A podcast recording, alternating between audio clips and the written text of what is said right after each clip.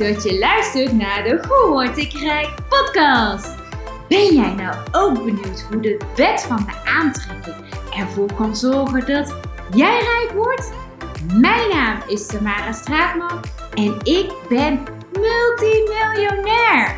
In mijn podcast deel ik met jou levenslessen over mindset, innerlijke rijkdom en hoe ook jij financieel rijk kunt worden.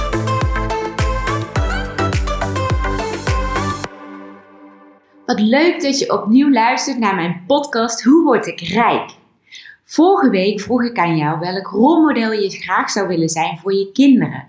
En kreeg je dus ook een aantal voorbeelden en hiccups die zich kunnen voordoen in de thuissituatie als ouder-kind. Maar eigenlijk scheelt het bedrijfsleven niet zoveel van het ouderschap. Oké, je voedt het kind niet zelf op, maar je hebt te dealen met een groot kind, een zogenaamde volwassene. Tenminste, veel leidinggevenden zullen dit namelijk zo ervaren.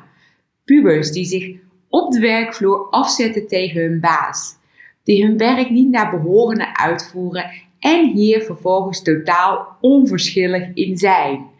Of misschien maak jij jezelf nu als personeel hier schuldig aan of heb jij jezelf hier in het verleden schuldig aangemaakt? Afijn, iedereen die herkent wel zo'n dergelijke situatie waarbij het voelt alsof je leiding geeft aan een stel kleuters, in plaats van volwassen mensen die hun verantwoordelijkheden nemen. Of als jij door jouw personeel als een ontzettende eikel wordt beschouwd, ook dan is het dus heel goed om bewust te worden van een aantal belangrijke factoren. Ik zal in deze specifieke podcast dan ook een aantal van mijn inzichten en kennis met jou gaan delen. En ook dus als jij dus jouw baas een ontzettende eikel vindt, dan is het goed om deze podcast te luisteren en wellicht kun je voortaan met andere ogen jouw leidinggevende benaderen. En word jij zelfs de wijste van allemaal. Op naar een leuke werksfeer.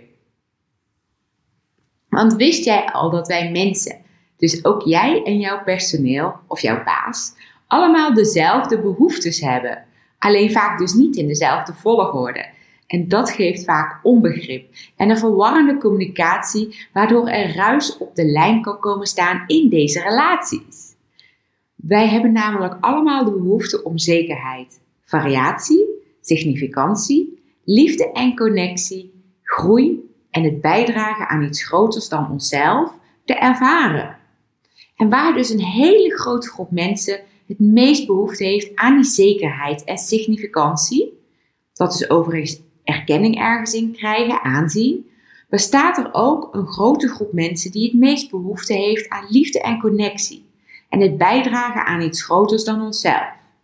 En waar de een meer egocentrisch of etnicentrisch is gecentreerd, en dat wil zeggen hoe dat ze in het leven staan, naar zichzelf of naar de groep zijn gericht, is weer de ander juist meer gecentreerd, gefocust op de wereld en de spirit.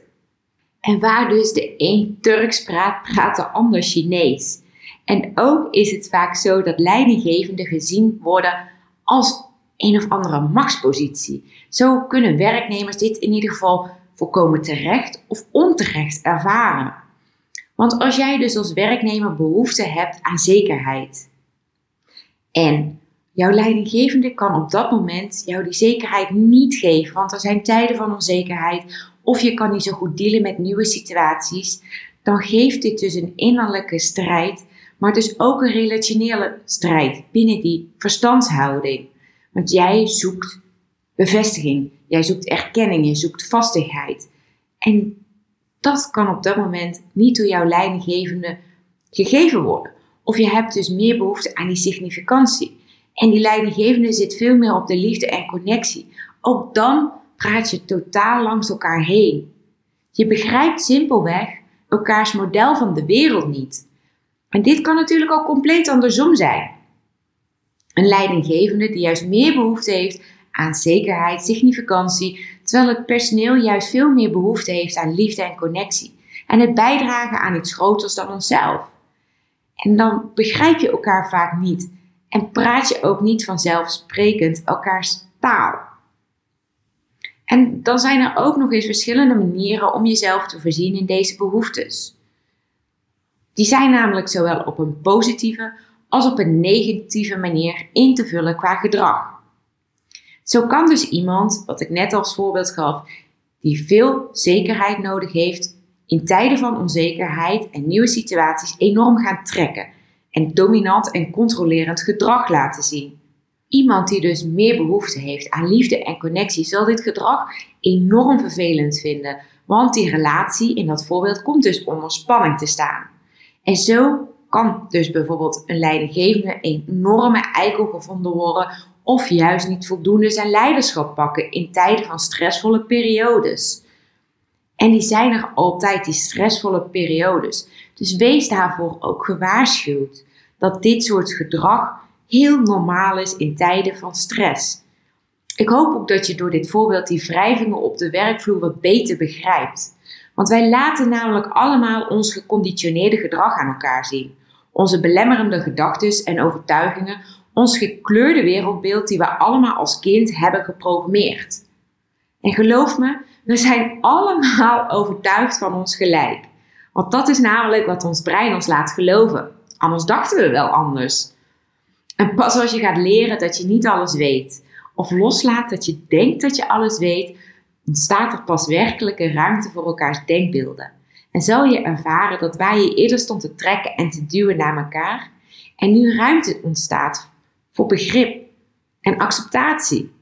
En in deze ruimte ontstaat de kans om te groeien als mens, als individu, maar ook als groep, als bedrijf. Elkaar naar een hoger niveau tillen. Want dat bereik je nou eenmaal samen. En wat daarbij ook heel goed te beseffen is, is dat we niet dus alleen die behoeftes hebben, maar ook die ongemakken die we dus bij ons dragen, maar dat we ook allemaal onze eigen identiteit hebben gecreëerd. En oh als dus iemand gaat tornen aan die identiteit, dan slaan we echt op tilt. Totdat we vaak een situatie tegenkomen die onszelf vraagt om boven onszelf uit te stijgen. Pas dan zullen we vaak geneigd zijn om daadwerkelijk in de spiegel te kijken, want we kunnen niet anders.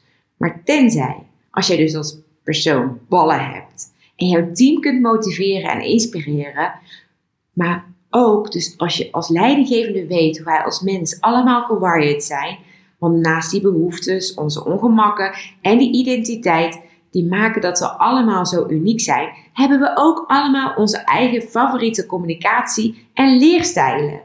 Zo zal de een weer eerder geneigd zijn om visueel te willen leren, heeft de ander weer voorkeur voor audio, voor geluid, en weer de ander wil het graag ervaren en doen, en een ander wil het graag lezen. En waar sommigen op zoek zijn naar verschillen, is een ander weer op zoek naar allerlei gelijkenissen. En ook heeft iemand, iedereen, heeft een unieke manier van beslissen. En is het dus verdomd handig om te weten hoe iemand in elkaar steekt, hoe jouw personeel in elkaar steekt. Zeker als jij een team onder je hebt te leiden die ontevreden is, niet goed presteert, of je juist jouw team wilt motiveren, meer sales wilt genereren, dan is al deze informatie ontzettend zinvol om te weten en te leren. En wist jij dat naast al deze communicatiestijlen mensen ook allemaal een soort andere focus kunnen hebben? En dat deze focus ook afhankelijk is van het moment waar ze zich op, dat moment bevinden. Waar de een bijvoorbeeld meer gericht is om zijn of haar positie te verbeteren, is de ander weer meer gericht om zijn of haar prestaties te verbeteren of juist de relatie te verbeteren. En ook hierin kunnen mensen zowel positief als negatief bezig zijn om deze behoeftes te vervullen. En hebben ze totaal ook andere behoeftes in verschillende communicatiestijlen. Daarom praat de een bijvoorbeeld abracadabra voor jou, terwijl je bij de ander meteen weet waar hij of zij het over heeft.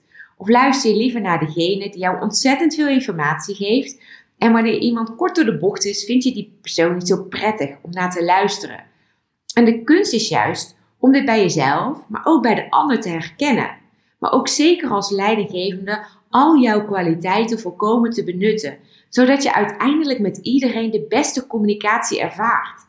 Zodat je niet langer het gevoel hebt dat je met volwassen kleuters om de tafel zit, maar dat jij als leider jouw personeel kan leiden en beïnvloeden om het beste uit zichzelf te halen en daarmee dus ook voor gigantische resultaten voor het bedrijf gaat zorgen.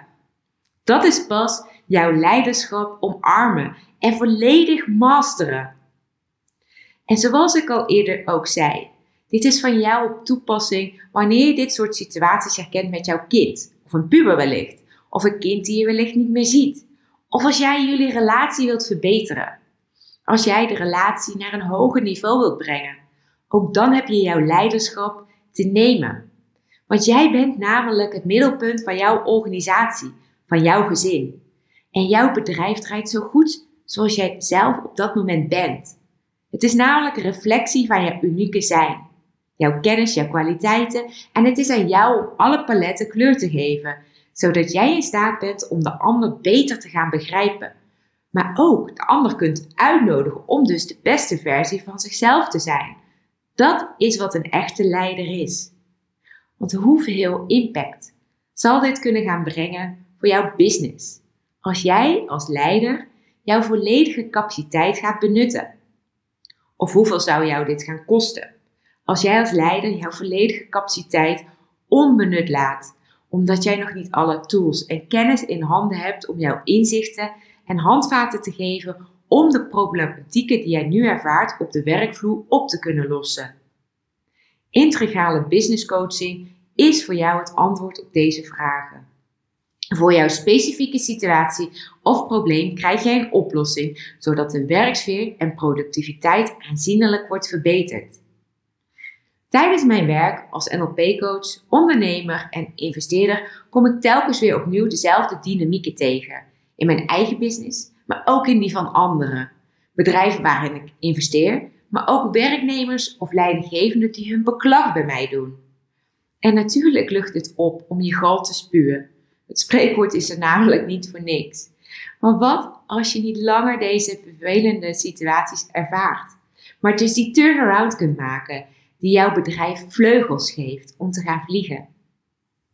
Hoe zou dat voor je zijn? Hoeveel impact kun je dan gaan maken met jouw business? En dat niet alleen. Hoeveel impact zal dit hebben op jouw collega's? En op jouw samenleving? Het valt of staat namelijk met jouw gedrag, jouw leidinggevende skills. Niet jouw team, niet jouw product, niet jouw marketing, etc. Maar jij. Jij bent hier in het brein. Jij bepaalt de processen. Jij bepaalt de koers. En hoe je deze koers wilt varen. Heb jij nou behoefte aan goed advies? Momenteel ben ik tijdelijk beschikbaar voor één op één gesprekken met jou als CEO en heb ik zo'n 5 tot 6 gaatjes in mijn agenda om een organisatie te bedienen. En ben ik dus bereid om die kennis met jou te delen, zodat jij jouw onderneming tot een hoger niveau kunt gaan brengen. Heb jij hier oren aan? Stuur mij dan even kort een berichtje met jouw naam, jouw onderneming, jouw hiccups, jouw gewenste resultaten en ook hoeveel het jou zou gaan opleveren als jij die resultaten gaat behalen, maar ook wat het jou zou gaan kosten als je nog dag in, dag uit, weken, maandenlang, jarenlang hetzelfde blijft doen. En ook hoeveel jij bereid bent om hierin te investeren, qua tijd en qua geld. Zodat ik vervolgens kan besluiten of jij een partij bent die past bij mijn werkwijze van integrale business coaching. Want dit is namelijk niet voor badjes. Dit is enkel voor jou wanneer jij echt bereid bent om te leren over wereldbeste technieken in communicatie en leiderschap. Alleen dan gaat het namelijk voor jou relevant zijn en gaat jouw team en jouw bedrijf enorm floreren. Anders zitten we elkaars tijd te verdoen. Is dat niet zo? Dan hoor ik je graag heel snel.